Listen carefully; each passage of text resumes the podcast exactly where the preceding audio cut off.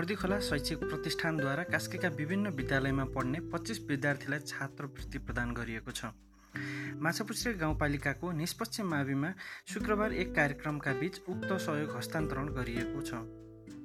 कार्यक्रमका प्रमुख अतिथि तथा प्रतिष्ठानका संस्थापक अध्यक्ष डाक्टर राम गिरीले स्कुल पढ्ने समयमा सँगै पढेका साथीहरू आर्थिक अभावका कारण पढ्न नसकेको देखेर यस्तो अवस्था नआओस् भन्नका लागि प्रतिष्ठानको स्थापना गरी विद्यालय तथा विद्यार्थीहरूलाई सहयोग गर्दै आइरहेको बताए।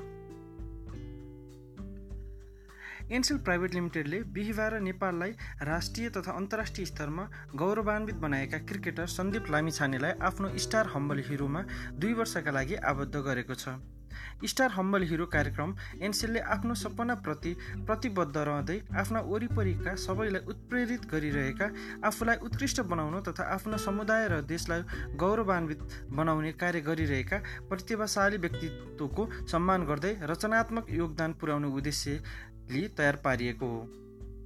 यो पहल एनसेले ब्रान्डको सार आज भोलि सधैँसँगै अनुरूप तयार गरिएको गरिएको हो। नौलो घुम्ती नेपालको सत्रौँ साधारण सभा तथा नवौँ अधिवेशनले पुनः खड्गबहादुर खड्गबहादुर राणा भाटको अध्यक्षतामा दुई वर्षको लागि नयाँ कार्य समिति चयन गरेको छ। समितिको वरिष्ठ उपाध्यक्षमा योगेन्द्र राज पौडेल उपाध्यक्षमा सुरेन्द्र थापा मगर महासचिवमा बद्री विनोद प्रतीक लगायतलाई चयन गरेको हो। कार्यक्रमको उद्घाटन सामाजिक विकास मन्त्री नरदेवी पुनले गर्नुभएको थियो। नौलो घुम्ती नेपालले लागु औषध दुर्विषणीको उपचार गर्नुका साथै विकास निर्माणमा पनि सक्रिय भएकोमा प्रशंसा व्यक्त गर्नुभएको थियो। मन्त्री पुनले कास्कीको माछापुछ्रे गाउँपालिका वडा नम्बर एक टुसेमा एक बालकको चङ्गा उडाउने क्रममा ज्यान गएको छ।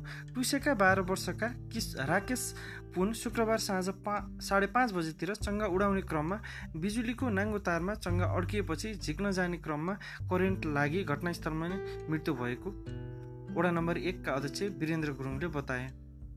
बालकको शरीर डढेको अवस्थामा नेपाल डढेको अवस्थामा विद्युत पोलमा अड्किएको अवस्थामा रहेको जनाइएको छ।